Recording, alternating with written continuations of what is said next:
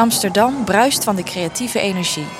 Met 85 theater- en concertzalen, 90 musea, 55 bioscopen en dan nog een heleboel andere plekken waar je van kunst en cultuur kan genieten. Nu, na een periode van sluiting, kunnen we al die zalen weer bezoeken, in kleinere groepen. Dit is Cultuurmakers, een maandelijkse serie waarin makers hun verhaal vertellen. Dit is aflevering 8 met fotograaf en beeldend kunstenaar Sefilai Maria van Dorst. We staan hier in mijn doka, donkere kamer. En om ons heen zie je eigenlijk uh, al allemaal platen liggen. En platen hebben we het dan over glasplaten en aluminiumplaten. Die belicht en onbelicht zijn met zilver. Ik zie kasten vol potten en flesjes.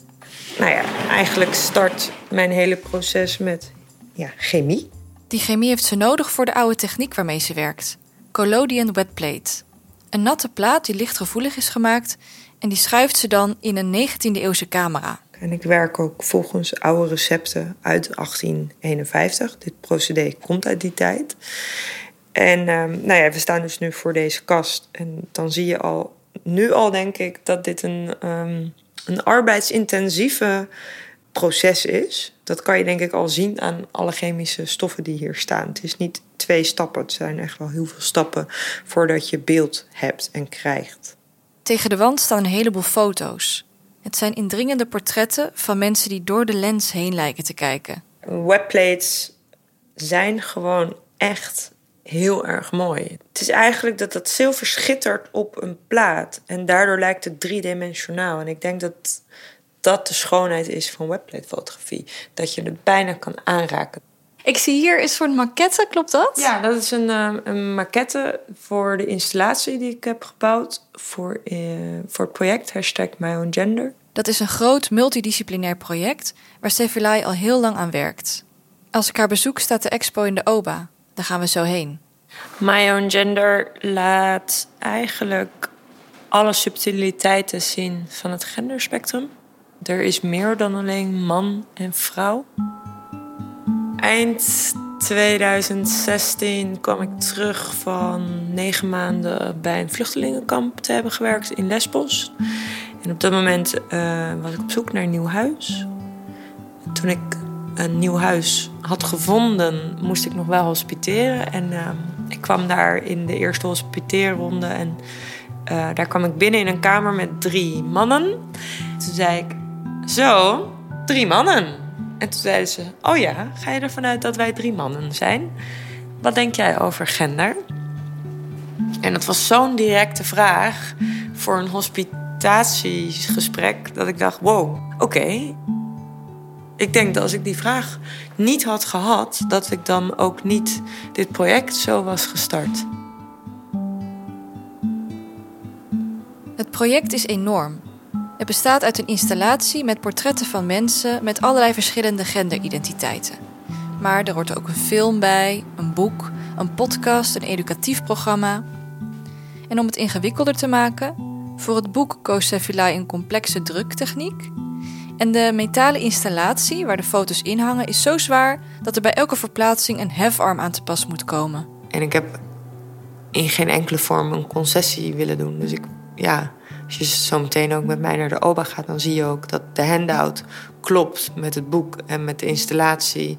En er is niets waar niet over nagedacht is of uh, op bespaard is. En dan is het maken van de foto's zelf ook nog hartstikke ingewikkeld. Ik heb gekozen voor lange sluitertijden van 15 tot 30 seconden. Ik stel ook nog alles in, een aantal minuten. En eh, soms wel langer dan minuten dan op dat moment. Dus soms dan zit iemand wel een half uur in dezelfde houding. De doka zit hierboven. Dan hebben we alles ingesteld en hebben mensen zich er tegenaan bemoeid. En dan zeg ik, ja, dit wil ik wel, dit wil ik niet. En vervolgens loop ik naar boven. Dan moet ik hem nog maken, maar diegene zit dan stil. En dan haal ik de plaat op die op dat moment lichtgevoelig is gemaakt. En er gebeurt mij dan wel eens zo'n moment dat ik dan die doka inloop en dat ik denk, nee, dat gaan we niet doen. En dat ik dan terug ga naar beneden met de plaat en zeg: Ja, ik kwam dus boven en dat gaan we dus niet doen. Ik zet hem toch op dit en dit en dit. Ik denk wel dat mensen soms moe worden van mij. Ik vraag veel. Ehm, bijvoorbeeld, ik ben een boek aan het maken met uh, designer Jort Norbeek. En nou ja, Jort zit al denk ik ver over zijn uren heen met het designen van het boek. Maar dat boek gaat niet naar de drukker zolang ik het niet zeker weet dat ik het zo wil. Ik vind het vaak heel spannend om te vertellen aan mensen als ik het anders wil. Maar als je ook met een groot team werkt, is het ook belangrijk dat jouw visie uh, blijft werken. Want anders wordt het rommelig, denk ik. Er is niks aan het toeval overgelaten? nee. nee, niets aan toeval overgelaten. Sevilai neemt me mee naar de expositie in haar oude Volvo.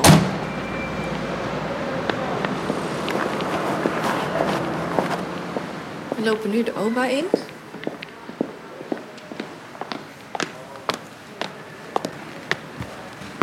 Drie grote gebogen wanden van metaal staan in de expositieruimte. Met aan de binnenkant portretten. Uitgedoste mensen, ingetogen mensen, mensen die je recht aankijken, mensen die langs de lens staren. Uit speakers horen we flarden van hun verhalen. Achterin is een film te zien, voorin vitrines met het boek dat bij het project hoort. Er loopt net een bezoeker binnen.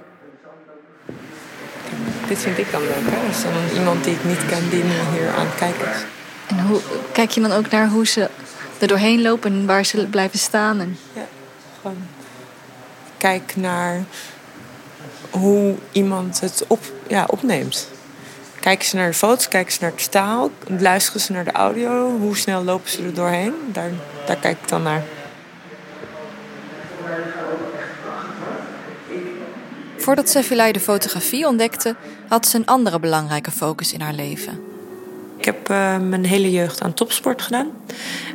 Um, ik uh, was ontzettend bang voor water. Maar op het moment dat ik echt leerde zwemmen, uh, was ik niet meer uit het water te slaan. Dat ik uiteindelijk in het synchroonzwemmen terecht ben gekomen.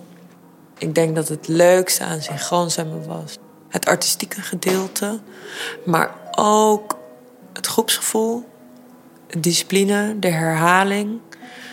Dat is iets wat je, wat je fijn vindt? Ja, uh, schijnbaar. Schijnbaar vind, vind ik dat heel fijn. Ik heb dat zelf natuurlijk niet heel bewust door. Maar uh, discipline en herhaling vind ik uh, een hele prettige bijkomstigheid van het leven. Um, dus dat is ook wel weer heel erg terug te vinden in de topsport. En maar nu ook in deze fotografievorm. In deze fotografievorm moet ik ook herhalen en gedisciplineerd werken. Doe ik dat niet, gaan er dingen mis. En dan heb ik het echt over het chemische proces. Maar in het zwemmen uh, en het kunstzwemmen ook elke keer de oefening opnieuw doen. Totdat je hem beter doet. Net zolang totdat die goed is. En ik heb dat met webplate-fotografie ook gedaan. Met uh, in het begin uh, dezelfde manier gefotografeerd. Iemand recht van voren en het chemische proces echt goed leren kennen. Pas daarna werd het artistieker. Ik heb mezelf eerst de techniek helemaal eigen gemaakt. Toen ze twintig was, besefte ze dat ze door het zwemmen best veel gemist had. Weinig naar verjaardagen, altijd zwemmen. Um, het hele leven draaide om die sport. En op een gegeven moment wilde ik ook wel daar iets meer vrijheid in ervaren. En een vrij, vrij gevochtener gevoel. En daar zat dan eigenlijk niks anders op dan uh, stoppen. En dat heb ik toen gedaan. Nou, en wat er dan gebeurt is dat je in eerste instantie helemaal achter je keuze staat, maar dan toch ook wel daarna achterkomt van: oh, dat was wel een heel groot onderdeel van mijn leven. Uh, daar zit nu wel een gat. Iets wat het zwemmen mij gaf was een, een vorm van uh, gezien worden, um, artistieke vrijheid, uh, winnen, um, de beste ergens in zijn. Um, ja, dat, dat, dat valt dan weg en je, voor je gevoel ben je in één keer uh, tussen aanhalingstekens normaal en niet meer exceptioneel in wat je kan en wat je doet. Dus dat is een, een zoektocht geweest. En ik uh, ben blij dat ik mijzelf heb kunnen settelen in fotografie. En dat ik daarin net zoveel plezier haal als in het zwemmen. En heb je daar dan nu ook weer een doel van, daar wil ik ook ex exceptioneel in zijn? Ja, dat denk ik wel. Tijdens haar zwemcarrière woont ze in Den Haag en nu is het tijd voor een nieuw leven. En wat doe je dan? Ik ben verhuisd naar Amsterdam. Op dat moment zat in mijn privéleven in Den Haag waren er een aantal hele uh, bijzondere gebeurtenissen gebeurd, waardoor ik heb besloten om naar Amsterdam uh, te verhuizen. En dat is heel acuut gegaan. Um, ik ontdekte op mijn 21ste dat uh, ik meerdere broers en zussen heb en dat ik die niet kende. En daar kwam ik achter via via. En uiteindelijk um, heb ik mijn vader ontmoet en die woonde eigenlijk een aantal straten verder in uh, Den Haag. Je kende je tot die tijd niet? Nee, ik wist uh, niet wie dat was. En hij heeft mij toen der tijd ontmoet. En hij heeft mij heel duidelijk laten weten dat hij mij niet als dochter zou willen. Dus op dat moment was dat zo pijnlijk dat ik dacht: hé, hey, jij woont vlak bij mij. Ik wil jou dus dan eigenlijk niet tegenkomen. Ik ga naar Amsterdam. En op dat moment speelde ook op dat ik het uitgaan ontdekte.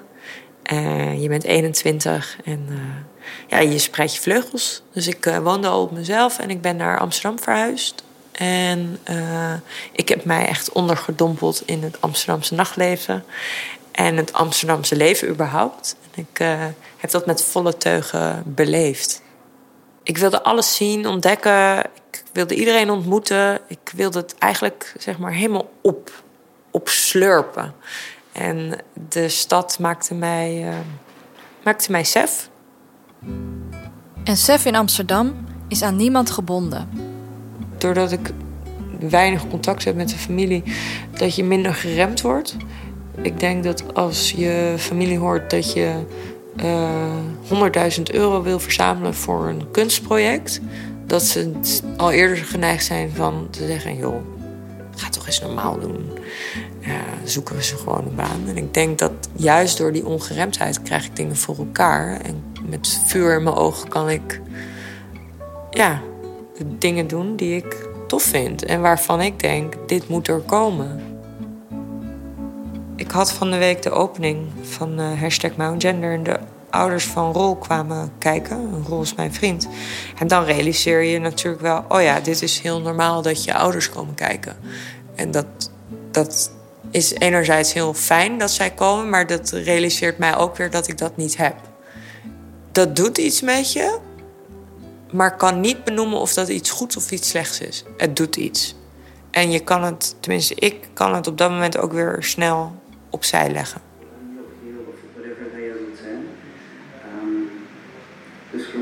In de OBA valt Sevilai's oog op een detail. Ik ga heel even iets nakijken. Uh, ik zie iets waarvan ik denk, heeft iemand dat nou verplaatst? Nee. Oké, nee, dit was al zo. Ik dacht dat ik die plaat daar had hangen. Maar dat is dus niet zo. Ik denk dat heel veel mensen als ze dit zien denken... wow, hoe kan dit? Hoe is dit gemaakt? En ik denk dat dat die verwondering is waarmee we een opening kunnen krijgen ook weer om verder te kijken waar gaat dit dan eigenlijk over. De expositie hashtag MyOwnGender reist rond door de stad. En als je precies wil weten waar je hem kunt zien, kijk dan op onze website. Dit was Cultuurmakers, een podcast van Uit in Amsterdam, de culturele uitagenda van Amsterdam en omgeving. Interviews en montage Lotte van Galen. Techniek Arno Peters. Wil je meer verhalen van cultuurmakers? Kijk dan op iamsterdam.nl/uit.